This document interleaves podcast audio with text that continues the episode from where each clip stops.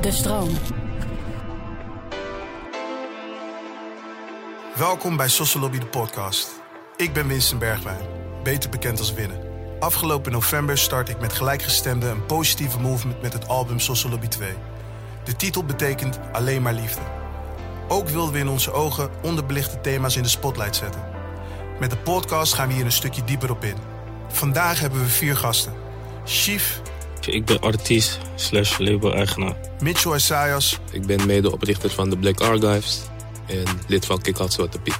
Perle Miyange Ik ben eh, activist, hairstylist en radiohost bij Eindje No Filter.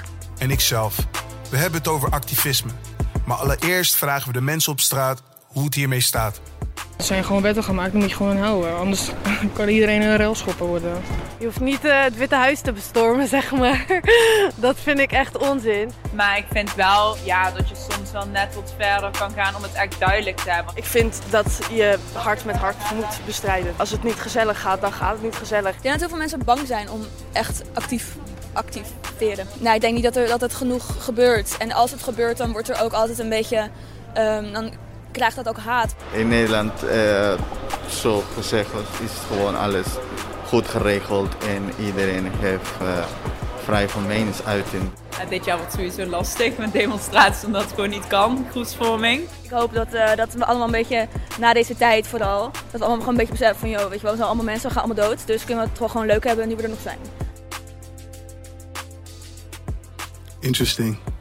Very interesting. Oh, zeker. Ehm, he- heel veel eh, verschillende meningen. Eh, wat vinden wij van de meningen op eh, straat over activisme? Ik denk dat ze een beetje representatief zijn voor hoe society in elkaar steekt. Dus je hoort dat er mensen zijn die, die vinden dat ze zichzelf moeten laten horen. Maar je hebt ook mensen die denken van oké, als dit mij opgelegd wordt, dan ja, neem ik dat gewoon aan en dan moet ik gewoon in lijn blijven lopen. Ehm, people man, life. Ja, toch? Ja, reflecteert denk ik gewoon society. Aan de ene kant mensen die vinden dat eh, mensen die voor hun eh, mening opkomen railschoppers zijn. Mhm. Uh, sommigen die zeggen je moet hard tegen hard, hè? vuur met vuur bestrijden. Anderen die zeggen van het is, eh, is wel oké toch? Niks te klagen hier in Nederland. Dus eh, herkenbaar. Ja, zeker man. Ik merk ook, zeg maar, wel dat er, ehm, dat door middel, zeg maar, van die vrijheid van meningsuiting, dat je wel heel veel verschillende meningen krijgt, et cetera. Mhm. En mijn vraag is wel, zeg maar, kan je een grens daaraan, zeg maar, koppelen, zeg maar? Als het, gaat, als het om het negatieve gaat, dan, Ja. zeg maar, snap je? Op het moment dat het dan net iets te ver gaat. ja, en de vraag is dan weer wat is te ver? Ja. Toch? Want wat voor de een eh, acceptabel is, is dat, is dat voor de ander niet. Ja. Dus ik denk wel dat we dat, we, dat vrijheid van meningsuiting een, eh, een, eh, belangrijk goed is. Ja. En dat, eh, dat het ook moet blijven. En dat we blij moeten zijn dat we dat hier in, eh, in, in dit land hebben. Eh, en je, je zou hopen dat ehm, op basis gewoon van je persoonlijke normen en waarden, dat je weet waar de grens ligt. Toch? Ik, ik, ik, ik handel zelf altijd eh, vanuit basic principles. Van ik wil iemand anders niet behandelen zoals ik zelf behandeld wil worden. Mhm. Eh, en ik denk dat niemand het fijn vindt om op een nare manier bejegend te worden, toch? Ja.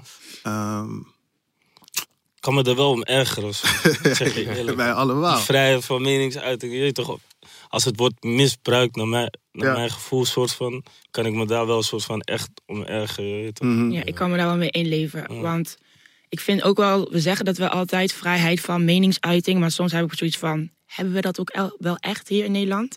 Want we hebben allemaal wel situaties meegemaakt of gezien in de maatschappij waar mensen, bijvoorbeeld een voorbeeld, mensen van kleur iets zeggen, of hè, en dat, de, dat ze dan vervolgens een hele golf en stroom van negativiteit en haat over zich heen krijgen. Ja. Maar ze hebben hun mening geuit. Ja, nou kijk, eh, je kan het wel zeggen. Ja, maar het, het, is niet, de manier. het is, ja, het is niet dat je daarna opgesloten wordt. Precies. Toch? Zoals Alleen in het sommige is wel andere altijd landen. Ja. een beetje op dun ijs, want je weet natuurlijk dan weer niet wat voor ja, het is alsof je mag wel dingen zeggen, maar soms is het alsof je dan, ondanks dat je wil zeggen wat je wil zeggen, alsnog moet opletten hoe je het zegt. Ja, en, ja. en soms wil je iets zeggen uit emotie of Ja. gewoon, en dan ga je niet na nog denken van, oh ja, Ja. laat me dit even zo brengen, want Ja. Ik Dat- denk dat de toon van de muziek is altijd het belangrijkste. Zeker als je wil dat je boodschap overkomt. Ja. Dus ik probeer altijd wel rekening te houden met wie de, wie de ontvanger is van mijn boodschap. Ja. Ja. Ehm, Ja. En ook, ja, ook gewoon omdat ik denk ik gewoon iets strategischer beweeg dan gemiddeld. Ja. Ehm, Ik denk dat er eh, verschillende tonen soms nodig zijn. Weet je? dat Soms heb zeker. je Ja.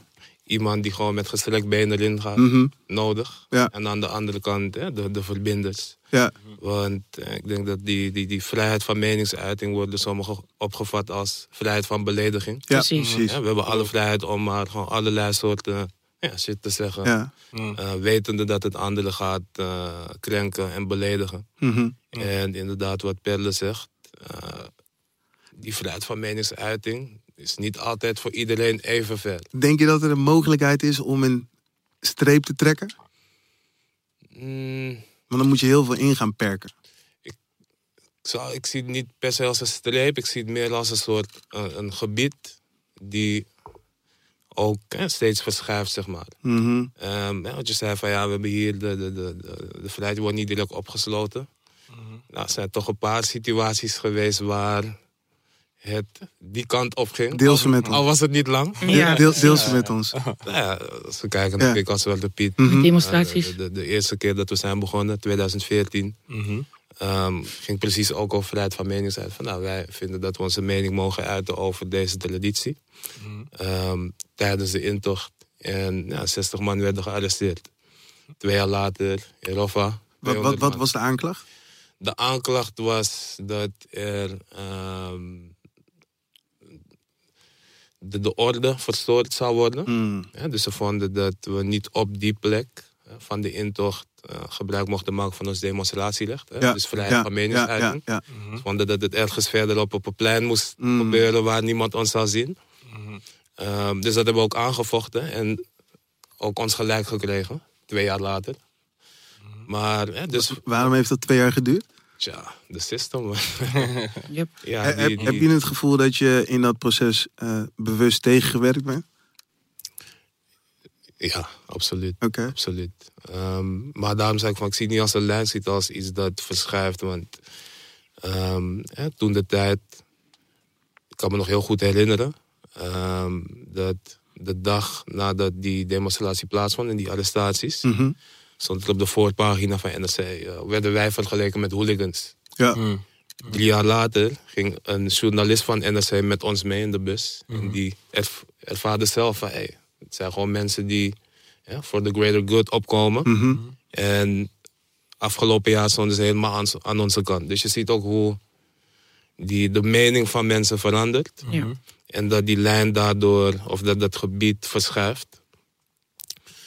Ehm, en daar heb je dus denk ik soms mensen voor nodig die ja, met gestrekt been erin gaan. Ja.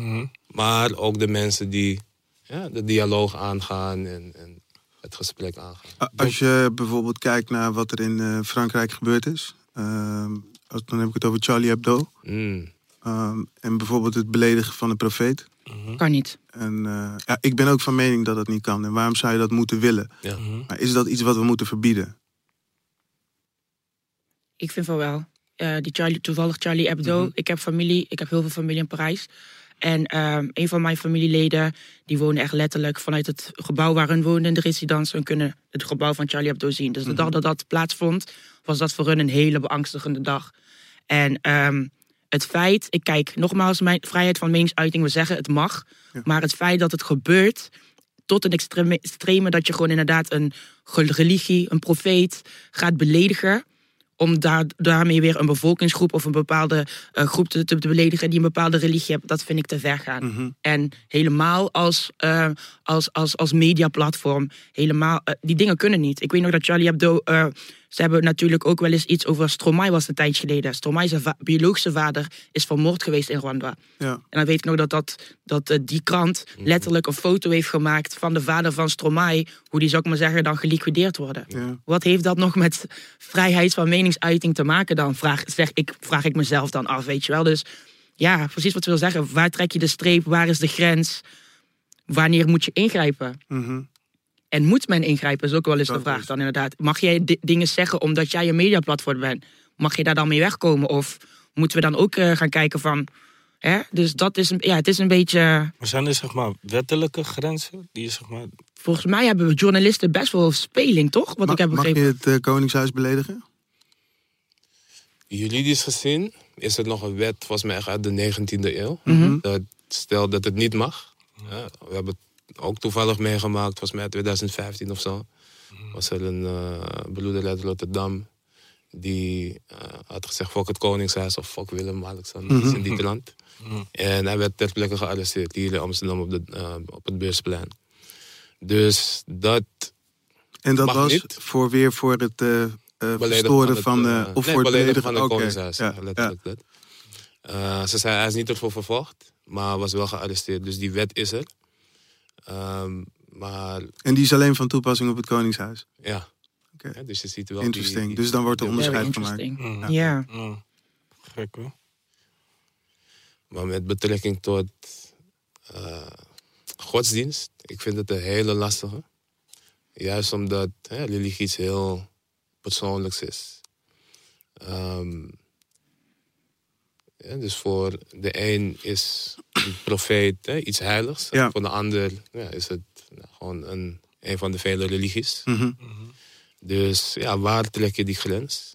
Eh, ook omdat je ziet dat dat soort dingen veranderen in de samenleving. Mhm. Als je bijvoorbeeld kijkt naar, eh, nou ja, Jezus stelde dat het eh, verboden was om Jezus of een afbeelding van een witte Jezus te, Mhm. ehm, eh, te, te beledigen. Dan zou ik ook in de problemen komen, want ik zeg, ik heb ook mijn mening daarover. Ja. Dus ik, ik, ik vind hem lastig. Ik denk dat we ja, gewoon er naartoe moeten. Dat ja, wat jij aangaf ehm, gaat in de basis om normen en waarden. Waarom Ja. vind je het nodig überhaupt om iemand op die manier te beledigen? Als je weet dat er een hele grote groep is Ja. die ehm, ja, zoiets als heilig ziet. Of die van Stromae vond ik ook ja, Ja, belachelijk. Hoe, hoe creëer je een society ehm, waarin je een space creëert eh, eh, waar mensen zich veilig genoeg voelen, maar tegelijkertijd ook vrij genoeg voelen en gerespecteerd om te zeggen wat ze willen, ehm, ook als het beledigend is. Ehm, zonder dat er daarna een soort van oorlog ontstaat of iets. Snap je? Omdat je, ik denk dat. Ik ben van mening dat dialoog te alle tijden het Ik allerbelangrijkste wou ook zeggen, knowledge, in gesprek gaan met elkaar. Ja, Ehm, en als je gewoon naar de geschiedenis van de wereld kijkt, voorspel ik wat dat betreft niet heel veel goed. Nee, nee. Ehm, hoe vonden wij het gaan qua activisme in 2020? Dan, eh, BLM, Zwarte Piet, Trump, et cetera. Ik denk sowieso eh, dat de zwarte gemeenschap heel veel in opspraak is geweest dit jaar. En, eh, of ja, vorig jaar. Mhm. En ehm, ik denk dat het, eh, dat het wel goed is geweest in principe. Je toch, eh, er zijn heel veel mensen die dan anders zijn gaan kijken naar de situatie, denk Ja. ik. En eh, het voelde goed in ieder geval voor mij dit jaar, je weet toch. En, en het is niet zo dat, dat, eh, dat alles gelijk voorbij is of zo. Ja, Maar het voelde wel goed ja. aan. ja ik, ik, eh, er zijn heel veel mensen opgestaan Ja. in 2020 die voorheen eh, eh, nooit van zich hadden laten horen. Mm. En jullie zijn al veel langer eh, activistisch. Mm. Eh, wat is het grootste verschil? Hoe hebben jullie dat ervaren? Daar ben ik benieuwd naar. Nou, ik vond het wel tof, eh 2020, in de zin van, precies wat, eh, wat Chief ook zei, mensen worden wakker, mensen worden bewuster. Maar wat mij vooral opviel is, mensen durven nu echt iets te zeggen. Voorheen was het vaak dat mensen altijd naar ons toe kwamen en zeiden van, oh, ik heb zoveel respect voor wat jullie doen. Mhm. Ik zou dat ook wel willen doen. En dan zeiden wij altijd van, maar jij kan dit doen. Ja, Dan zeiden mensen van, ja, maar mijn buurvrouw of mijn collega's of mijn... Weet je wel? Dus Ja. dat mensen wel zoiets hadden van, I share your opinion, maar ik zelf zou het nooit durven uitspreken, want er zijn misschien consequenties of gevolgen op. Ja, ja. En 2020 heeft echt laten zien dat mensen echt die fuck it mentality hadden van it has to happen now. En ik denk dat die BLM-movement en alles wat er gebeurde omt- omtrent eh, George Floyd en alles in Amerika, dat dat, het is een beetje naar hier gewaaid. En ik merkte dat heel veel mensen toch ergens de motivatie zagen en de drang om toch een part te zijn van die movement. Wat ik ergens super mooi vond.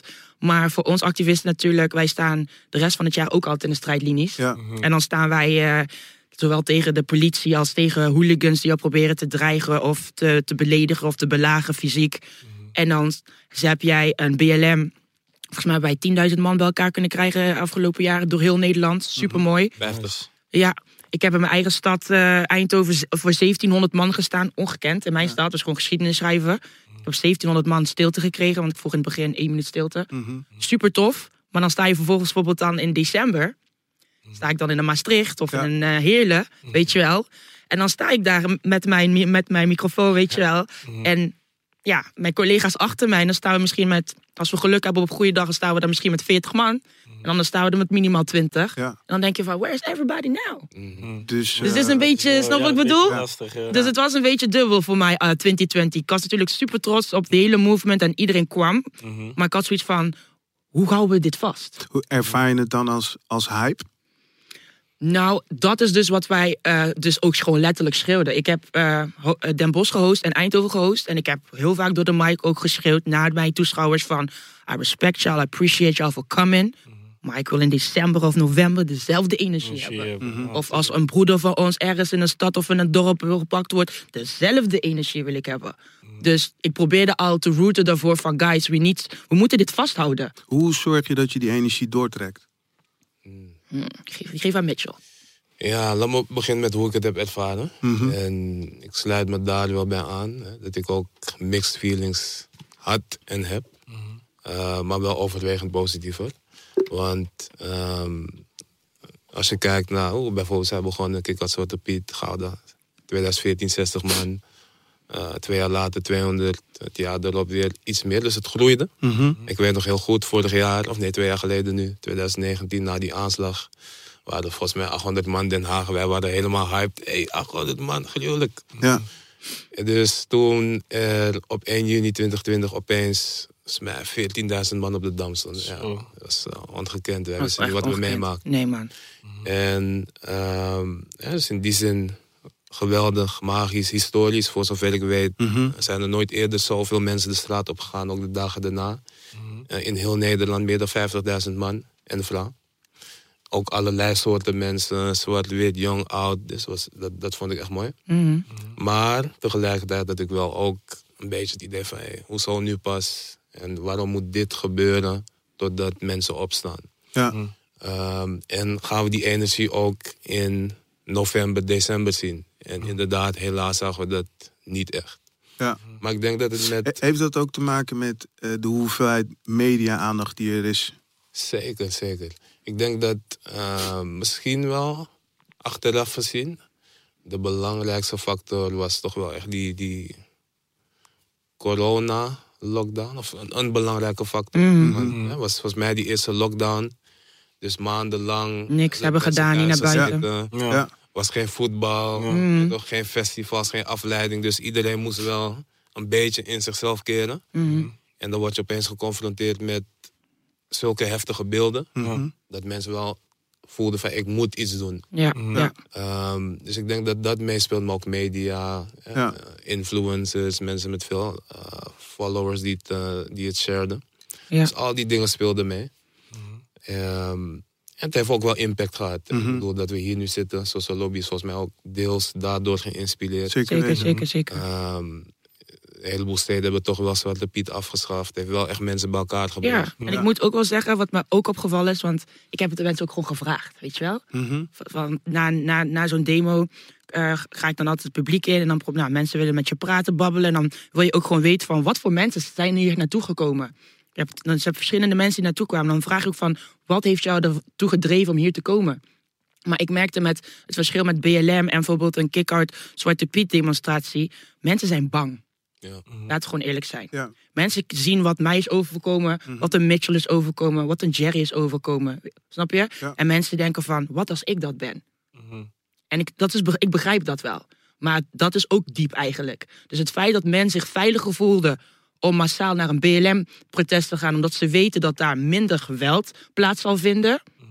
Dat was ook mede de reden waarom mensen daar massaal in gingen. En met in december en november meer hesitant zijn om te gaan. Omdat ze zoiets hebben van, ik wil wel gaan, maar wat als ik dadelijk belaagd word of gepakt word door hooligans? Target of iets. Precies. Wat als eh, mijn eh, werkgever mij dadelijk ziet en mij laat gaan? Of wat, als mij, wat, op, wat gaan ze op school zeggen? We hebben wel eens demonstranten gehad die zich hadden aangemeld, studenten. Super trots op wat ze hebben meegemaakt. Vervolgens gaan ze naar school op maandag. Krijg je heel de school over je heen. Ja. We- Weet je wat het mentaal met de student doet? Ja. Of je hebt mensen die werken in bepaalde sectoren. Die sluiten zich ook aan. En die gaan maandag naar werk. En die krijgen van werkgever en collega's allemaal overeen van... Nou, kan je geloven dat jij... eh hè? Ja. Het is gewoon onze traditie, is onze cultuur. Ik wist niet dat je zo was. Dus ik kan aan de andere kant kan ik het wel begrijpen. En voor ons was het natuurlijk ook weer een leerproces als organisatie. Van oké, hoe moeten wij dat dan volgend jaar dan Ja. misschien anders doen? Of hoe moeten wij mensen benaderen? Of moeten wij mensen misschien meer educaten daarover? Of hoe, want ja, we kunnen jullie niet geruststellen en zeggen van er gaat niks gebeuren. Dan liegen we ook. Ja, ja. Wij weten natuurlijk ook niet elk Ja. jaar wat wij terugkrijgen. Maar ik denk dat dat wel heeft meegespeeld in het verschil van... waarom gingen mensen ook zo massaal naar een BLM... eerder dan dat ze bij een kick-out Zwarte Piet gaan staan. Ja. ja, de vraag is denk ik, ben je bereid dat offer te brengen of niet? Precies. En ehm, dan, als ik naar mezelf als artiest kijk, ik, ehm, het is niet dat ik per se super activistische muziek maak, maar ik heb altijd wel een, eh, een message van, je weet toch, een beetje opstand en, en op zoek naar gelijkwaardigheid. Ehm, en dat is voor een artiest ook gewoon toch wel glad ijs. Zeker. Zeker. On the edge. en, en een manier zoeken om, om ehm, ook niet publiek van je te laten vervreemden. Mhm. Toch omdat je, je, je, je, je staat ergens voor. Eh, en net, net wat ik net ook al aangaf, toch? Dus je moet rekening houden met de ontvanger van de boodschap. Precies, Toch? Als je het ja. gewoon op een bepaalde manier neerzet, is de kans dat het groot dat het op de verkeerde manier geïnterpreteerd wordt. Ja. Want wat je eigenlijk wil, is mensen dichter bij elkaar brengen. Juist. En, en jij bent ook veel activistischer geworden in je muziek. Zeker, Hoe, zeker, zeker. hoe heb jij dat ervaren?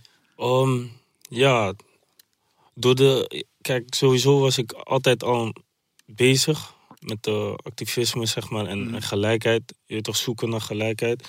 En ehm, op een gegeven moment, ja, dan ga je erin verdiepen, toch? Mhm. soort van. En dan probeer je ook de balans te vinden tussen van, oké, wat ga ik precies zeggen en wat, Ja. welke message wil ik daadwerkelijk naar voren brengen, snap Mhm. je? Want je, wat, je- wat je zegt, zeg maar, je hebt eh, honderden fans, je toch ook van verschillende Maak er soorten. maar tienduizenden van. Tienduizenden. Die ze bestrijden. ja, en je probeert zeg maar een soort van die balans te vinden, omdat je, ja, je wil, je wil gewoon de juiste message naar voren Heb, brengen. heb je backlash ervaren? Backlash, ja zeker. Zeker, ook in de comments, eh, DM's, eh, ja, sowieso, ja man, zeker man. Ik herinner me jou nog vorig jaar, weet je nog, staat samen in de panel bij eh, vijf jaar Kick-Out Zwarte Piet in de Belmer. Want je Ja, bent van Belmer, ja, toch? Ja, ja, En ik weet nog dat ik met jou, en dat is me echt zo bijgebleven, ik zat met jou in de panel Mhm. en Zwart Licht. ja. En ehm, dat was eigenlijk de eerste keer nadat je die toen had gemaakt, mhm.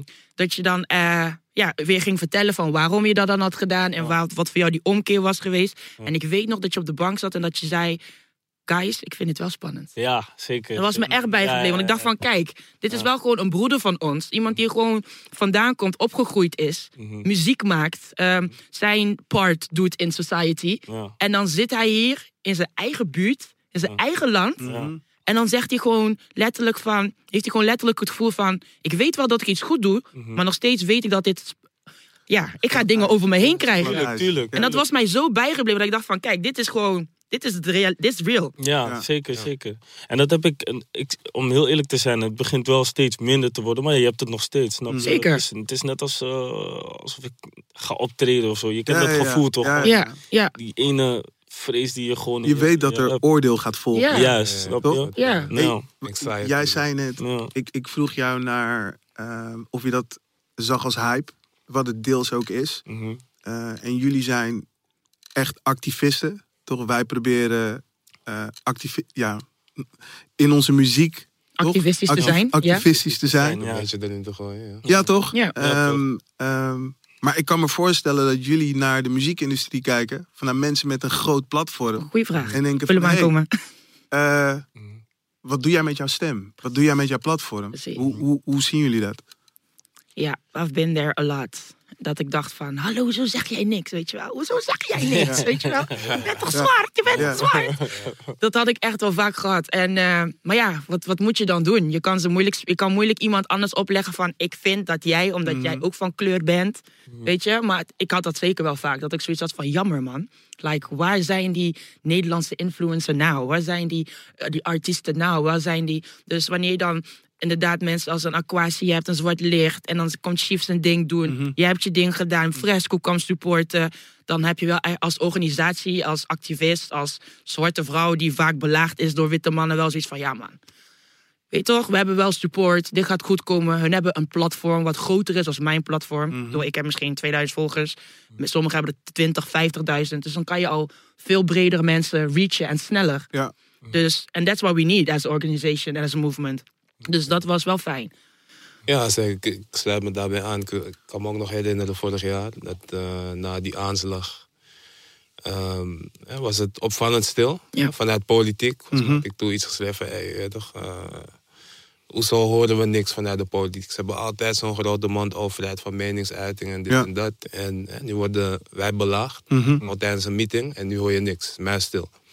Maar eh, wat me ook opviel was dat er inderdaad vanuit eh, hip-hop, maar breder gewoon eh, vanuit de creatieve sector, ook eh, ja, toch wel een stilte was. Dus ik zei iets van ja, rappers zijn stil net als Mark Rutte. Mm. Pak hem in dat. Punchlines. Maar een paar dagen daarna kwam jij toen met die tune, Ja. Zwarte Piet. Dus ik dacht, dat was voor ons. Ja, dat was echt fijn. is, Ja. is dope. Kijk, wat, wat, wat, voel je echt een soort van, ja, toch een soort... eh, Unity. unity en, en, en, en like, yeah, they've got our back too. Ja, toch? Wat, wat, wat uh, Winner zei, zeg maar, jullie staan echt op de frontlinie, snap je? En, en waar ik mijn, eh, mijn hulp kan aanbieden, doe ik dat ook. En, en niet, zeg maar, het is gewoon voor de community, snap je? En, Ja. en voor, voor, voor, ook voor mezelf gewoon, je weet toch? Van, ik ben er ook, je weet toch? Ik sta gewoon op. En eh, waar ik waar ik mijn steentje bij kan dragen, doe ik dat gewoon, snap je? En ik ben zelf ook aan het leren. Je weet Mhm. Ja, ik, denk, ik wilde net zeggen, ik denk Ja, dat maar er ik af en toe ook door jullie in gecoacht moeten worden. Ja, man. Ja, Zeker, want heel veel dingen eh, gaan ook langs me heen. Of Mhm. snap Exactly. ik niet helemaal, snap je? En ik denk dat dat ook een van de redenen is waarom ik soms ook met vrees zit. Want ik denk van, oké, straks Zeg je iets verkeerd. zeg ik iets verkeerds. Ja. Of diegene zegt iets tegen mij en ik weet niet hoe ik daarop moet antwoorden. En dan is het boom, snap je? Ja, maar Ja. dat is begrijpelijk. Ja. Dus ik moet mezelf ook best wel een soort van meer gaan educaten Mhm. op, op bepaalde gebieden, snap je? En, eh, zodat ik alleen maar meer, zeg maar, mijn woordje kan doen, snap je? Wij waren gisteren live op het eh, kanaal van Black Archives. Ja, ja. Eh, en toen vertelde ik ook dat dit voor mij de, de, de manier is om mijn steentje bij te dragen. Ja. Omdat je kan nu gewoon een. Je, je slaat verschillende bruggen, Mhm. toch? Dus één tussen, tussen generaties, Mhm. eh, tussen stijlen. En nu ook gewoon door tussen, toch? Ja. Mensen uit dezelfde community die verschillende dingen doen. Eh, en mijn theorie was, ik wil niet in de weg lopen. Mhm. Toch? Wat Jij ook. Ja. Van, hey, ik wil Ja. niet daar zitten en daarover praten. Terwijl er iemand is die Ja. more educated is dan ik. Ja, en precies. toch? Ja, toch? eh, beter kan vertellen over dit onderwerp. Ja. Maar ik dacht wel bij mezelf van, yo, ik kan wel die mensen die aan de frontlinie, Mhm. toch? Aan het, ik, weet je hoe ik mezelf zie Mm. in deze situatie? Je hebt die mensen die de marathon lopen, toch? Mhm. En heb je mensen aan de zijkant die ze water komen brengen. Ja, toch? Ja, toch? Ja, toch? Ja, toch? Dat, Ja. Ja, man. zo, zo- zag ik dit. Ja, dat is een goede metafoor. Ja. Ja, Zo, zeker. zo Ja. voelt het wel, weet je. Ja. Je, je bent aan het rennen, marathon. En eh, ja, toch, het is vermoeiend soms. Mhm. Mhm. Dus dit soort dingen ja, voelen dan echt als een eh, breath of fresh air. Of een, Zeker. een, een, een bidon met koude water die Zeker. je weer wat Ja. extra energy geven. Hey. En ook, het is ook andersom. Ik bedoel, hè, wij hebben... eh, Volgens mij had je het zelf ook een keer gezegd. Van, Iedereen heeft gewoon bepaalde posities. Ja. hè. Je hebt je spits, je hebt je verdediger, je Juist. mid-mid. Nou ja, soms heb je de mensen nodig die eh, het, het debat openbreken. Ja, Mhm.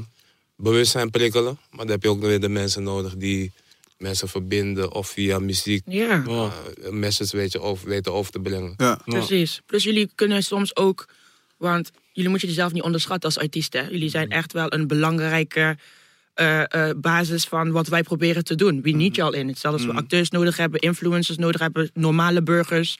Want wij doen het misschien fysiek, maar jullie gebruiken jullie, kracht is jullie stem en jullie Ja. woorden. Ja. En mensen luisteren naar wat jullie te zeggen hebben. Mhm. Dus het feit dat jullie dat omzetten in een bewustwording van... oh, ik weet mensen luisteren naar wat ik zeg.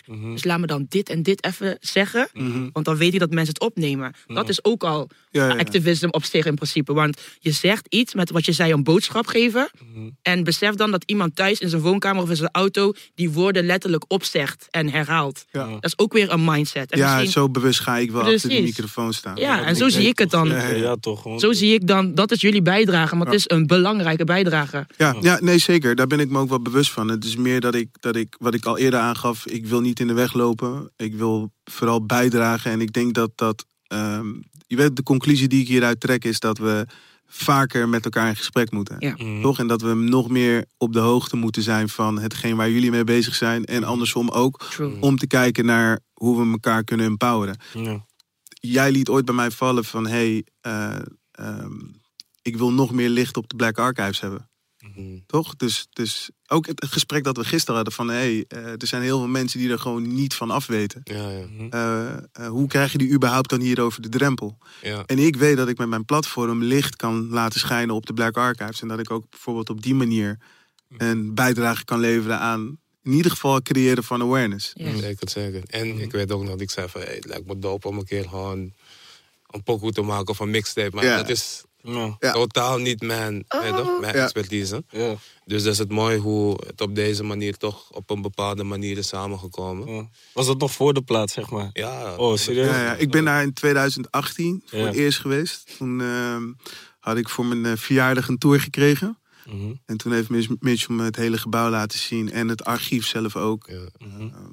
Ja, heel veel mooie verhalen. Ik heb veel geleerd en ik ben geïnspireerd weggegaan. Mhm. En dat zaadje was geplant. En dat Precies. is mede ook de reden waarom ik social lobby heb kunnen doen. En heb gezegd van, hé, hey, een deel van de opbrengst moet naar Moet naar Black, Black Archives Ja, gaan. toch. Mhm. Omdat zij zijn aan het strijden. Ja, toch. Tuurlijk, ja, toch. Social lobby. Ja. Ja. Mhm. Ehm, kan, je, kan je activisme ook op een verkeerde manier aanvliegen? Goeie vraag. Ik denk namelijk van wel. Ik denk eigenlijk ook wel van wel. Ja. Ik zit even na te denken hoe. Ik snap de vraag eigenlijk niet zo goed, man. Wat doe je eigenlijk? Nou ja, kijk, ehm, eh, in, in die zoektocht of in die strijd naar gelijkwaardigheid, Mhm. ehm, kan, kan, kan je, ja, je, je kan het op verschillende manieren benaderen. Mhm. Maar je kan ook de plank misslaan. En het is ook wat ik net zei, toch? Dat, kijk, het is niet de bedoeling dat je mensen nog verder uit elkaar drijft. Mhm. Ehm, en daarom zei ik, ik ben altijd best wel bewust van mijn woordkeuze. Mhm. Ehm, maar vooral ook, ik hou rekening met de ontvanger. Ja. Toch? Dus als ik weet dat ik tegen, tegenover een white suprema- supremacist zit of sta, ehm, ehm, weet ik dat ik anders moet communiceren. Mhm. In ieder geval om common ground te creëren om op te kunnen bouwen. Mhm. Toch? Want als ik ook maar één ding zeg wat jouw vooroordeel bevestigt, Mhm. Is klaar. Dan- toch? Dan is Ja, daar de discussie ja. gesloten. Yep. En ik denk dat het dialoog in, in het hele proces het allerbelangrijkste is. Dus ik ben wel van mening dat als je kwaad met kwaad gaat bestrijden, Mhm. dat, eh, dat je niet eh, veel verder komt. Ja. Maar ik ben sowieso van nature een beetje een peacekeeper, toch? En, eh, en, eh, en, en een verbinder. Ja. Ja, nee, ik, ik denk dat ik. Ik zei het net al, ik denk je hebt verschillende methodes nodig. Mhm. Ja, je hebt de, de Martin Luther King en de Malcolm X. Yes. Weet je? Die, Mhm. die vulden elkaar manier. aan, Mhm. eh, in mijn ogen. Eh, maar ik denk inderdaad wel dat mensen soms kunnen doorschieten. Ja. Op allerlei Hey, manieren. begrijp me niet verkeerd, hè? Ik ben wel, als ik op je tenen moet gaan staan, ga ik op je tenen staan. Snap je? Als ik je tegen je schenen moet schoppen om je wakker te krijgen, Ja. ga ik je tegen je schenen trappen, toch? Mhm. Omdat ik moet eerst je aandacht hebben. Maar op het moment dat ik je aandacht heb. Dan ga ik wel kijken of ik je aandacht vast kan houden. Ja. Mhm. En ik weet dat als ik ehm, dat zeg maar op de verkeerde manier aanvlieg, dat ik die aandacht ook weer kwijt ben. Mhm. Dus ehm, ja. ja, ik, ik, ik- ja, ik kan daarin mee.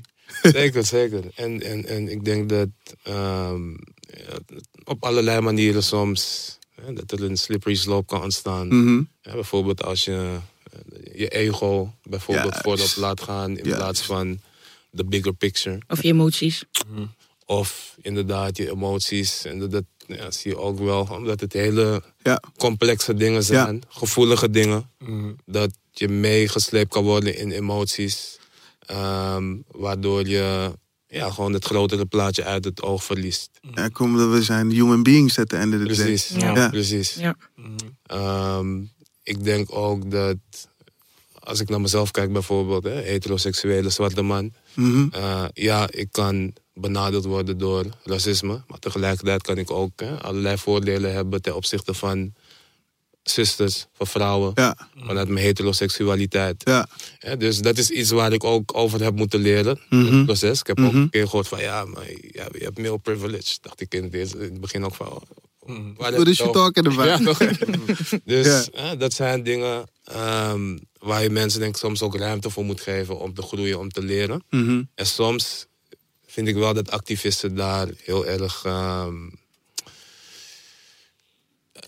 self-centered in kunnen zijn. Ja, ko- komt er veel ego om de hoek kijken? Ja, ik zie, ik, zie, ik zie wel aardig wat ego af en toe. Ja. Ja.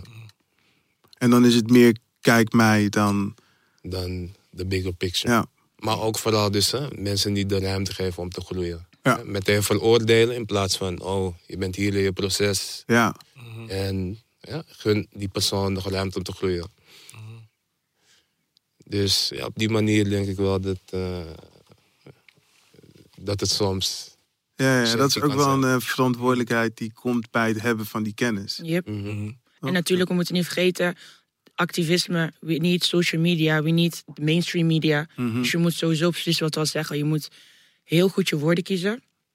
En heel goed kiezen hoe je je boodschap wil overbrengen. Want jij kan misschien dit bedoelen, maar als iemand anders het omdraait in een kort filmpje en iets heel anders van maakt. je En het komt acht uur s'avonds, Ja. precies. En dat is wat ik de afgelopen jaren echt heb geleerd.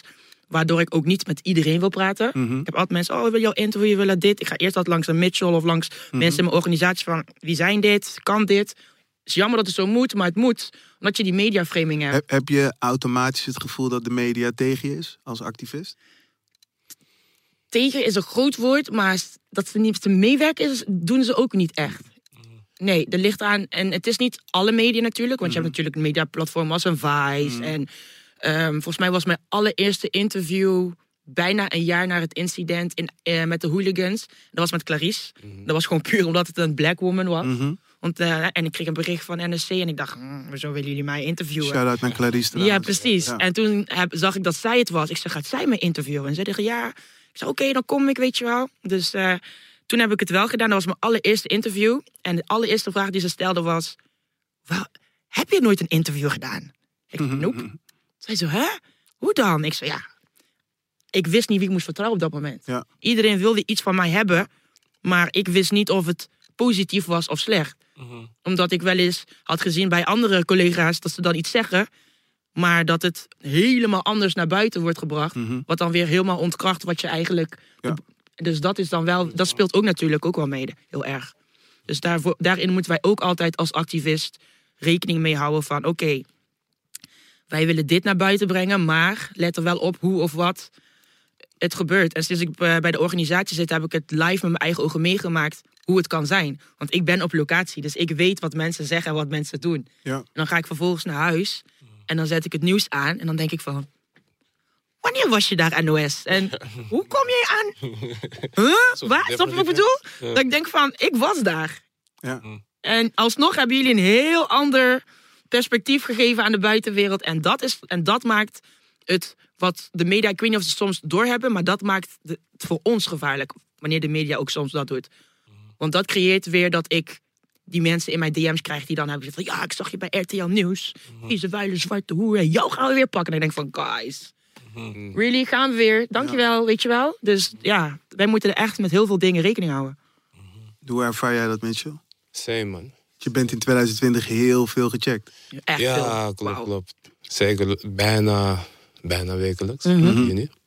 En wat ik wel moet zeggen, is dat ehm, ik wel ook wat groei zag bij media. Eh, ik gebruikte net al het Mooi. voorbeeld van NSC. 2014 hebben ze ons letterlijk als hooligans beschreven. En ehm, ja, we hebben eigenlijk relaties opgebouwd met bepaalde journalisten. En dan zie je dat ze ook steeds beter beginnen in te zien van hey, het gaat niet om eh, het idee dat ze iets van onze cultuur of identiteit willen afpakken. We zien het grotere plaatje. Oh, het gaat om institutioneel racisme. Het gaat ook om ongelijkheid in het onderwijs, op de arbeidsmarkt, et cetera, et cetera. Dus ehm, bepaalde mediaplatforms die, die, die hebben die groei ook meegemaakt samen met ons in de maatschappij. Bepaalde media, ja, daar moet je niet te aan beginnen. Ja. Telegraaf, Ja. Nieuws, dat soort dingen. Ja. Ehm, dus, en dat heeft BLM denk ik wel echt een, een extra boost gegeven. Omdat ze zelf ook niet meer eromheen konden. Ehm, denk ik dat de berichtgeving ook wat beter... Het is nog niet wat het moet zijn in mijn ogen. Eh, maar het is wel beter geworden. hè. Het feit dat bijvoorbeeld iets als institutioneel racisme werd benoemd. Nou, een jaar, twee jaar geleden werd dat niet eens genoemd. Nee. Ehm, toch denk ik bijvoorbeeld, eh, net vlak voordat we begonnen, eh, zagen we dat eh, het kabinet is gevallen Mhm, door die toeslagenaffaire. mhm. Maar ja, daarin zie je dat ook hè, racisme een belangrijke rol speelde. Ghanese, ja. eh, mensen werden specifiek bekeken, mensen met tweede nationaliteit. is, is puur institutioneel racisme, maar dat wordt ja, gewoon bijna niet benoemd. Mhm. Dus ook daar zie je groei, maar het is nog niet wat het eh, zou moeten zijn. Denk ik. Mhm. Tot die tijd zijn we op onze hoede. Sowieso, man. Alleen Hoe, gewoon- hoe, hoe ervaar jij dat als Ja. Heb je dat ook? Want wat, waarom ik het vraag is... ehm, iemand noemt bijvoorbeeld het voorbeeld van Frenna, toch? Ja, Mhm. Volgens mij een van Oh, de de- meest gestreamde Ja, rappers. Die cover vorige week. Dat ook. Ja. Maar daarnaast dat hij een van de meest gestreamde rappers is. Mm. Maar ja, gewoon bijna geen podium krijgt in mainstream media. Ja. Volgens mij ook niet. Ja, ik heb, ik heb het ook wel. En ik was toevallig vorige week eh, bij Frenna in de studio. En Mhm. we hebben het ook wel vaak daarover gehad. En eh, hij gooit het altijd op, ja, het boeit me niet, et cetera. Zo, ik dram dan door van, hé, hey, toch, maar je toch, ze moeten je al die profs geven, maar jij bent die Ja. guy, snap je? Ja. En ehm, ja, het is gewoon lastig. En ehm, ja, aan de ene kant denk je van, oké, hebben jullie het met rap, zeg maar? Of hebben jullie het gewoon met de donkere rappers, zeg maar? Mhm. Want het, rap is eigenlijk ook een soort van taboe op de radio of op tv, snap je? Dus het is best wel lastig om, om zeg maar, mijn mening daarover uit te geven, je weet toch? Mm. Maar aan de andere kant merk je wel gewoon dat er eh, bepaalde platformen zijn die, die, die ook gewoon, eh, zoals eh, Telegraaf heb ik ook heel vaak eh aanvaring mee gehad. Of Parool, Mhm. die, waar, waar ik dan een interview geef.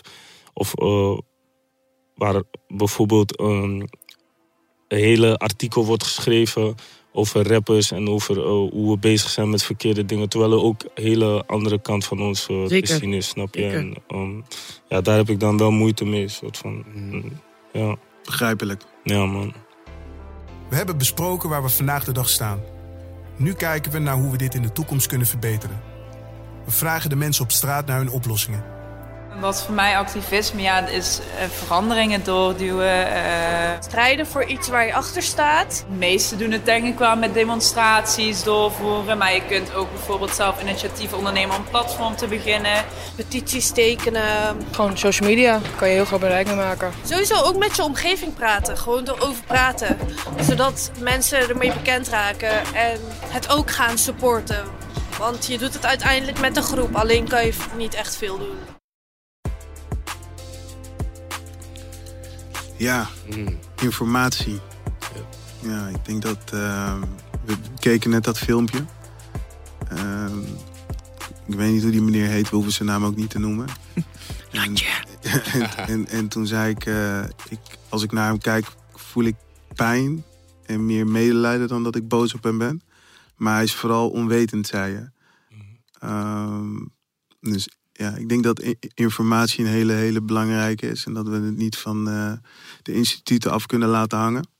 Zeker. Eh, dus dat we zelf zoveel mogelijk gaan moeten informeren met de kanalen die wij hebben. Mhm.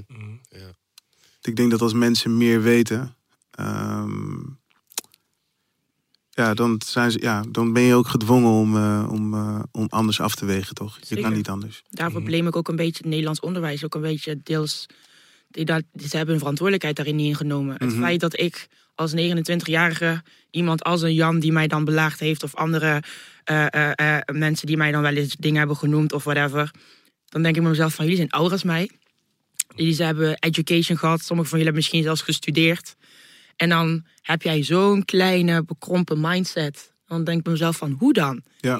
Maar ja, precies wat je zegt, informatie, they lack it. Dat hebben Ja. ze niet. Het Als- feit dat hij zeg maar ook een, zeg maar, hij benoemt het zeg maar als eh, donkere mensen willen beter zijn dan witte mensen. Dat hij niet inziet dat het eigenlijk gaat om gelijkheid. ik. Precies, precies. Snap je? Dat is wel iets wat, Dat is heftig. ja, is heftig man. Dat is echt heftig. En die mindset die gaan hun weer doorgeven aan hun kinderen. Ja. Ja. Want die groeien natuurlijk weer thuis op met die ideologie. En die horen die dingen en die woorden. Ja. En dat is gewoon heftig. Hoe hebben jullie dat op de basisschool ervaren? heb eh zo grappig. Ik had op de basisschool, ik ben hier in Amsterdam-West opgegroeid. Mhm. Eh, best wel gemengde school. Ik had, altijd, ik had altijd de beste vriend, Mike. Gewoon een witte Nederlandse jongen. Mhm. Ze noemden ons Duo Penotti. Oké. maar wat ik me heel goed kan herinneren, we moesten altijd in de kring zitten. En dan moest je, volgens mij, moest elke dag een ander kind jeugdjournaal eh, ja, doorgeven. Mhm. Ik kan me heel goed het gevoel herinneren dat iemand een keer het N-woord gebruikte. Mm. Dat het Het triggerde iets. triggerde iets in Ja. me. Dus ehm, Welke leeftijd? ja, ik denk misschien groep 6, 7 of zo. Ja. Ik kan me heel goed herinneren. Wat ik me ook herinner dat we op school gewoon weinig tot niks leerden. Eh, basisschool, middelbare school ook niet. En ik weet het omdat ik vanuit huis wel meekreeg van mijn moeder. Van, hey, weet je, je moet je cultuur kennen. Hè? Mhm. Vanuit je cultuur, weet waar Mhm. je vandaan komt. Ja. Mhm. Werk ging altijd over Suriname of Black History en dat soort dingen. Dope. Dus ehm, ja, van jongs af aan heb ik denk ik wel een stukje bewustzijn meegekregen vanuit huis. En ehm, ja, dat is denk ik ook wel een van de redenen waarom ik hè, met Black Argus ben begonnen met collega's. Met, eh nou, ik had Sote Piet daarbij eh, bij aangesloten. En ja, ik denk dat het mooie van deze tijd is dat we ja, gewoon veel meer mogelijkheden hebben om kennis te delen en te verspreiden. Mhm. Eh, als ik bijvoorbeeld kijk naar zoals wat ik doof vind aan het logo, ik denk dat veel mensen Ja. het misschien niet eens gaan zien. Ja, maar je ziet die, die RBG-vlag. Mhm. Ehm, voor de mensen die niet weten, RBG, Red, Black and Green, staat Pan-African. voor de, de Pan-African flag van Marcus Garvey. De kleur van Afrika. En nou, dat is voor mij een van de grootste bronnen van inspiratie altijd geweest. Ehm, omdat die stond voor nou ja, unity eh, en self-reliance. Weet je, dat je, Ja. ja. je mag iets verwachten van het onderwijssysteem. Maar hè, we moeten ook zelf responsibility nemen en gewoon zelf ondernemen, zelf dingen doen en Ja. opzetten. Ja. En ik geloof dat daar eh, ja, een belangrijk deel van de oplossing ligt. Dat we gewoon zelf Zie je daar, zie je daar ook in, gaan nemen. in de toekomst eh, meer van gebeuren? Zeker. Want er absoluut. bestaat nu een KOZP, Ja, er bestaat een Black Archives. ja. Wa- wa- wat zou de volgende stap moeten zijn? Ik ehm, hoop dat bijvoorbeeld hè, iets zoals dit, we zijn nu een podcast aan het maken. Mhm. En hè, vanuit die podcast kunnen we weer nou ja, duizenden mensen eh, bereiken. Nou ja, je hebt jouw platform, Social Lobby opgezet, je hebt jouw, jouw platform. Ik denk dat als we die ja, verschillende platforms gaan connecten vaker en ook nou ja, gewoon knowledge gaan delen, dat we ja, zelf een deel van de oplossing kunnen zijn. Hè? Dus wij willen vanuit Black Argus bijvoorbeeld ook een podcast opzetten. Mhm. Kijken van kijk, hoe kunnen we met verschillende mensen connecten. En die kennis die verzwegen wordt in de schoolboeken, ja, gewoon zelf delen. Zodat mensen zoals Jan ehm, niet weer met zulke dingen eh, bezig, eh, gaan, bezig gaan zijn in de toekomst. Ja. Het, ja, ik eh, moet dan denken aan waar, we, waar, waar jij het net over had. Dat tijdens die BLM-manifestaties de Dam helemaal vol staat. En de brug in Rotterdam helemaal vol staat. En dat in december dan dat je weer voor 40 of voor 50 man staat. Ehm, hoe, hoe houden we die energie vast? Ja, toch, how do we keep the same energy Door throughout, mensen, throughout the year? Ik denk door gewoon in people's faces te blijven with reality. En ehm, inderdaad gewoon knowledge te blijven verspreiden. Of het nu verbaal is, of het nu via social media is. Of het nu, zoals Mitchell zegt, door middel van een podcast is. Maar we moeten niet doen alsof het een probleem is dat dat zich alleen maar afspeelt, bijvoorbeeld in een november of in Mhm. een december. Nee, het is gewoon een probleem wat twaalf maanden in het jaar gebeurt. In alle hoeken van Nederland. En daar moeten wij ons als Nederlanders, zowel wit als gekleurde, bewust van zijn en bewuster van zijn, vind ik. Educatie, sleutelwoord. Zeker. Knowledge is power, zeg ik altijd. En in Nederland eh, is daar gewoon nog eh, ja, veel werk aan de winkel. Uh, Chief, zie, zie jouw rol veranderen in de toekomst? Ehm, Kijk, nu, ik bedoel, we maken allebei gewoon pokoe. En hier en daar proberen we er een track aan te wijden. Of je weet toch, er wat bars in coupletten aan te wijden. En ik denk dat, dat onze stance erin verandert. Maar Ja. zie jij echt concreet dingen voor jezelf veranderen in de toekomst? Uh, op het moment dat ik uh, me bewuster van uh, bepaalde dingen word, uh, ben ik zeker bereid ook om de toekomst te laten veranderen, snap je? Want Mhm. je kiest er uiteindelijk zelf voor, Ja, toch? Snap je? Dus ehm, ik denk zeker dat, dat ik als persoon in de toekomst gewoon veel meer ga verdiepen. En, ik probeer me gewoon altijd, ja, om een brede, uh, brede, bredere gedachte uh, neer te zetten, snap je? Van oké, hoe ga ik me precies verdiepen en waarin ga ik me precies verdiepen, snap je? En op het moment dat de informatie daar ligt, uh, dan is het veel makkelijker om dat ja, man. te doen. Ik denk dat een get-together als deze daar ook Ja, eh, zeker. Zeker. heel goed voor is, toch? Eh, Ik vroeg me eigenlijk af, hebben jullie ook, uh, zijn er los van de events die jullie dan hebben, zijn er ook plekken waar mensen zeg maar uh, informatie kunnen opdoen, et cetera? Wat, wat, uh... Ja, nou in principe is dat het uh, doel van Black Archives. Dat het Mm. gewoon een plek is en wordt uh, waar mensen terug kunnen kennen om ja, die, die, die kennis op te halen. Zich Misschien te moet je laten gewoon ook inspireren. even vertellen wat het nu is, uh, Mitch. Hey, ja, goed. Ja. Voor de mensen die het niet weten. Ja. Uh, nou, de Black Archives is een, een, een cultureel centrum, Mm. een archief, waarin we meer dan 10.000 uh, hele bijzondere en unieke boeken, documenten en stukken hebben uh, over zwarte geschiedenis en cultuur. Uh, zowel in de Nederlandse context uh, als internationaal. Dus van Suriname tot Curaçao. Dus ook interessante dingen over de Congo. Mhm. Geschiedenis van Zwarte Piet. En nou ja, vanuit die knowledge proberen we nou ja, kunst te maken, events te organiseren. Ja, dus zo'n plek is het, maar moet het nog meer worden in de toekomst. Mhm. Zowel offline als online. Ja. En um, ja, om op je vraag te komen van ja, hoe kunnen we die energie vasthouden?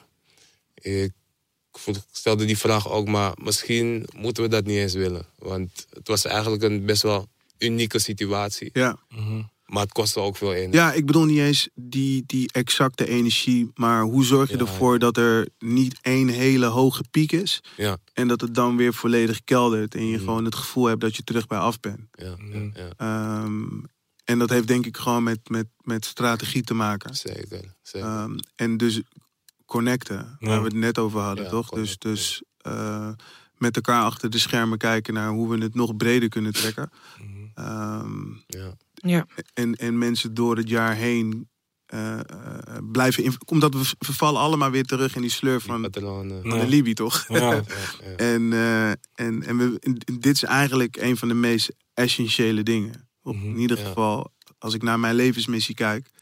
dan eh, is ja, misschien het belangrijkste doel wel... de, de, de wereld beter la- achterlaten dan die was voordat ik er kwam. Ja. Mm, Snap je? En dat Ja. zou dus moeten betekenen dat ik elke dag met dit bezig ben. Ja. ja. Ehm, en daarom zei ik ook, we moeten gecoacht worden en we moeten elkaar daarin eh, Ja. scherp houden, zodat we kunnen blijven pushen. Ja. Mhm. Ja, maar ik denk wij elkaar, ik bedoel, we kunnen gewoon van elkaar leren hoe Ja. wij af en toe, weet je, babbelen ook over andere dingen die Mhm. ook verbonden zijn. Ja. Over Mhm. mental health, Mhm. weet je, hoe hou je energie hoog, eh, eh, medite- mediteren, Ja, ja, ja. weet je, dat soort dingen. En ja, voor een deel komt het ook terug op, op de mixtape, weet je. Het gaat Mhm. over vaderschap, hè, die pokoe ego. Mhm. Mhm. Ehm, ja, dus eigenlijk doen we het al een beetje. Alleen hoe kunnen we het inderdaad vaker Vasthouden. doen? Ja, man. klopt. een- cultiveren. En- Ja. Ehm, eh, je had het net over het Black Archives, maar je moet ook nog vertellen dat er een dependance in de BIMS is. Ja, zeker, zeker. Ehm, we hebben de, de headquarters, zeg maar, hier in Amsterdam-Oost. Ehm, is in het pand. Is ook een van de weinige black. Je moet daar langs, man, Chief. Ja, man. Ja, waar, waar is dat? Gaan we straks regelen. Maar, Amsterdam Oost, Ja. eh, headquarters, Zeeburgerdijk. Mhm. En wat eh, mooi is aan die locatie, is een van de weinige black-owned buildings zeg maar, met een publieke functie. Het is van een vereniging Ons Suriname die al langer dan 100 jaar bestaat. En we hebben nu ook een dependance, weliswaar tijdelijk in de BIMS, uh, vlakbij station Bullenwijk, Prospect 11. En we hopen in de toekomst eentje in Roffa te Ja, openen. Eh, er is gewoon zoveel knowledge, maar ja, veel mensen weten niet eens dat het er is. Ja, dus ja, door het zichtbaar te maken over die mensen eh, ja, te inspireren en, en, en ja, die, die kennis te verspreiden. Want dat is denk ik echt gewoon eh, essentieel om die movement eh, verder te brengen. Ja, zeker man. hoe, hoe, kan, eh, hoe kan de luisteraar als individu verschil maken? De luisteraar kan gebruik maken van zijn eigen tools, wat hij in handbereik heeft. En dat, voor de een kan het zijn, eh, zoals de, we net in het filmpje hoorden, praat met je, met, je, met je naasten, praat met je buren, collega's. Dat is ook al een vorm van, eh, of gebruik je social media platformen. Ik bedoel, de meeste mensen die mij volgen, die, die een beetje dezelfde lijken. Of je houdt van ons of je haat ons. Want we spammen je gewoon de hele dag met van alles en nog wat, weet je toch? Ja. Je nou wil of niet, wij spammen alles. We zitten overal bovenop. Dus als ik het op mijn eigen tijdlijn heb gegooid, heb ik ook nog duizend andere mensen ingetagd. En vervolgens heb ik het nog in 30 Facebook groepen gegooid. En ja, dus je kan je social media platform gebruiken. Of ehm, start je eigen platform. Weet je, ik, ben, ik dacht, wat, na wat bij mij overkwam in Eindhoven, dacht ik: oké, in het zuiden, in Brabant, we lopen nog achter op mindset. Laat me mijn eigen platform op, eh, opzetten. Ik heb nou een, eh, ook een podcast, heet Eindje No Filter. Wij willen ook van praten over alles. Mijn doel is ook, wat we het net over hadden, mensen naar Eindje te brengen. Net mijn netwerk te gebruiken. Om gewoon consequent het hele jaar door bepaalde topics aan te blijven kaarten. En mensen te blijven feeden met de knowledge en de informatie. Ja. En ehm, dat raad ik elk ander persoon aan. Vooral de mensen die zeggen van... ik wil wel iets doen, maar ik vind het spannend. Of ik durf niet op straat. Nou, dan gebruik je social media. Is misschien ook spannend. En misschien gaat iemand je ook een dreigbericht sturen. Maar mute het gewoon, je weet toch? Zijn, zijn er specifieke websites of documentaires eh, of andere informatiebronnen waar we mensen naartoe kunnen sturen om zich eh, in te lezen, zodat ze zich erin kunnen verdiepen? Mm. Dat is een goede vraag. Zo, er zijn zeker een aantal. Ja. Ehm, ik denk, moet altijd een shout geven aan eh, Clarice. Haar eigen mediaplatform opgezet, Lilith Magazine. Mhm. Eh, die droppen hele interessante, inspirerende dingen. Eh withuiswerk.nl. Juist. Ja. Ehm, Black Archives hebben we op onze website ook heel hele interessante dingen. Zet je in. Ja. Kisha, jonge dame, pas 20 jaar die tijdens de BLM-movement eh, petitie had opgezet. Meer dan 50.000 Oh ja, ja, ik heb contact met haar gehad op Ja, Instagram. Shout-out naar Kiesje. Zeker, en ze is nog steeds bezig. Ja, Ehm, en zo zijn er verschillende platforms die, die, die... Misschien moeten we gewoon de lijstje maken. ja man, laten we dat doen. podcast. Laten we dat doen. Ja. hey, ik eh, bedacht me net dat... ehm, hoe doop zou het zijn als eh, basisscholen door het hele land...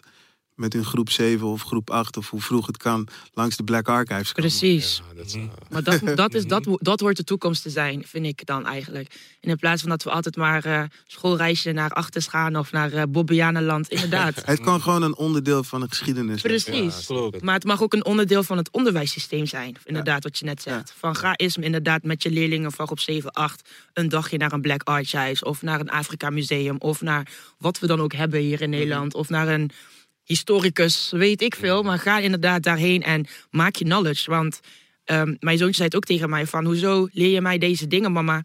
Heb je dat zelf nooit geleerd? En ik nee. Maar ik heb wel over Anne Frank geleerd en de Tweede Wereldoorlog. En we zijn naar het Anne Frankhuis geweest. En maar niemand heeft mij ooit naar bijvoorbeeld een Black Archive gebracht. Of een plek waar ik kan weten en zien wat mijn voorouders hebben meegemaakt. Dus ik denk dat als we dat ook toepassen in de maatschappij. En vooral in het onderwijs. Gaan wij over tien jaar al zoveel meer veranderingen zien. Want dan zit het ook al wat eerder in. Bij de, bij de jeugd ook. Zeker. Ja. Ik denk dat dat het zeker is, man. Dat is echt de toekomst, zulke Ja. dingen. Ja. Hm. I- Is er nog iets anders wat, eh, wat, wat de luisteraar zou kunnen doen? Ja, dat, dat wil ik nog toevoegen. Ik geloof erg in het idee van eh, eh, everyday resistance. Ja. Alledaagse racisme, maar je hebt ook alledaags eh, verzet, alledaagse verandering.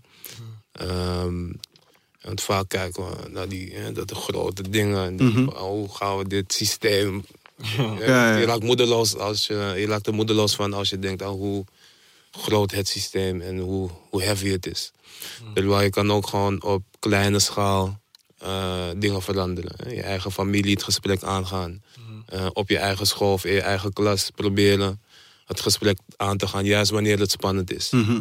En ehm, juist wanneer het spannend is of een beetje oncomfortabel, dan weet je dat ja, dingen veranderen. Ja. En ja, wanneer je die eerste stap zet, hè, net zoals jij zei, nou, eerste keer die pokoe erop, nou, tweede keer gaat het al een stuk makkelijker. Ja, man. Dus ik geloof erg in die everyday resistance. En ook vanuit jouw, ehm, jouw expertise en jouw passie. Schuilt er in iedereen een activist? Ja, ik denk het wel. Eh, activisme is voor mij eh, actief bijdragen aan verandering in positieve zin. Ja, aan de maatschappij, aan iets dat groter is dan jou. En dat kan iedereen doen. Eh, maakt niet uit wat je achtergrond is. In principe, iedereen heeft een stem. Iedereen kan bepaalde keuzes maken. Hè, Het kan al zitten in wat koop je, Mhm. waar geef je geld aan uit. Yep. Wanneer maak je je mond open, wanneer niet. Mm. Ehm, hè, wat deel je op social media? Mhm. dus het kan op zoveel verschillende manieren. Ehm, en het hoeft niet altijd inderdaad te zijn, weet je, op de barricades en eh, face-to-face staan met gek, gekke mannetjes als Jan. Ja, ik denk dat dat een van de belangrijkste boodschappen ook is dat, dat ehm, elke luisteraar zijn eigen vorm daarin moet vinden. Zeker. Waar jij je eigen op je gemak bij voelt en vooral veilig, weet je. Ga niet eh, omdat je ehm, iets wilt doen. Tuurlijk, dat is goed. Maar je moet jezelf natuurlijk niet in, eh, in nare situaties gaan brengen of zo. Stel je voor, je woont in een dorp met alleen maar radicale white supremacists. Dan moet je jezelf geen target gaan maken natuurlijk. Dat ga ik mensen niet aanraden. Dus dan moet je het op een andere slimme manier proberen te kijken hoe jij alsnog ehm, voor jezelf kan opkomen en de, de, de beliefs die je hebt. Maar breng jezelf natuurlijk niet in een situatie waar je ja, jezelf of je omgeving mee eh, in, een, in een nare situatie zou kunnen zetten. Maar zoals Mitchell al zei, er zijn zoveel vormen van activisme en jezelf al uitspreken of al een statement te maken voor iets. Dus als men daar gewoon nogmaals voor zichzelf naar kijkt in jouw omgeving en in jouw middelen en in jouw reaching, wat kan ik daarin vinden en hoe kan ik dat doen, kom je al ver, denk ik. Dope, man. Nice. Ja, man. Ik heb weer veel geleerd. Ja, toch? Ik ook, man. Ja. Zeker, man. Het is wel En- een middagje Black Excellence. Ja, man. Het is gewoon fijn om te connecten, man. Honderd. Ik, eh, ik, eh, ja, kijk, wij praten al, al langer. Eh, hij moet de nummers uitwisselen. En sowieso connected met Chief. Ja, man. En ik denk dat jullie ook met elkaar moeten connecten. Ja, Ja, zeker. zeker. Zeker. We elkaar ook vaker opzoeken, denk ik. Zeker. Mhm. Zeker. Kom langs, man. Ja, Ja, man. Ik moet Ja. zeker langskomen, man. Ik zeg je eerlijk. Ook gewoon eh, veel knowledge op doen. ja, maar wij kunnen ook weer voor je, precies wat je net zei, zo kunnen we van elkaar leren. Ja. Zoals jij van ons kan leren wat wij het vanuit activisme doen, kunnen wij van jullie leren hoe dingen gaan vanuit de muziekwereld, Ja. de, hè, alles wat erbij komt kijken. Ja. En ik denk dat we zo elkaar alleen maar nog meer kunnen voeden om nog meer greater things te doen. there's strength in unity. Precies. Zoals lobby. Een lobby. Je. Bedankt voor het luisteren naar Sociology de podcast. Volgende week zijn we er weer met een nieuw onderwerp: feminisme. Met radiomaker Sagit, artiest Estine, zangeres en kunstenaar Caitlin Schaap en ikzelf, Winnen. De stroom.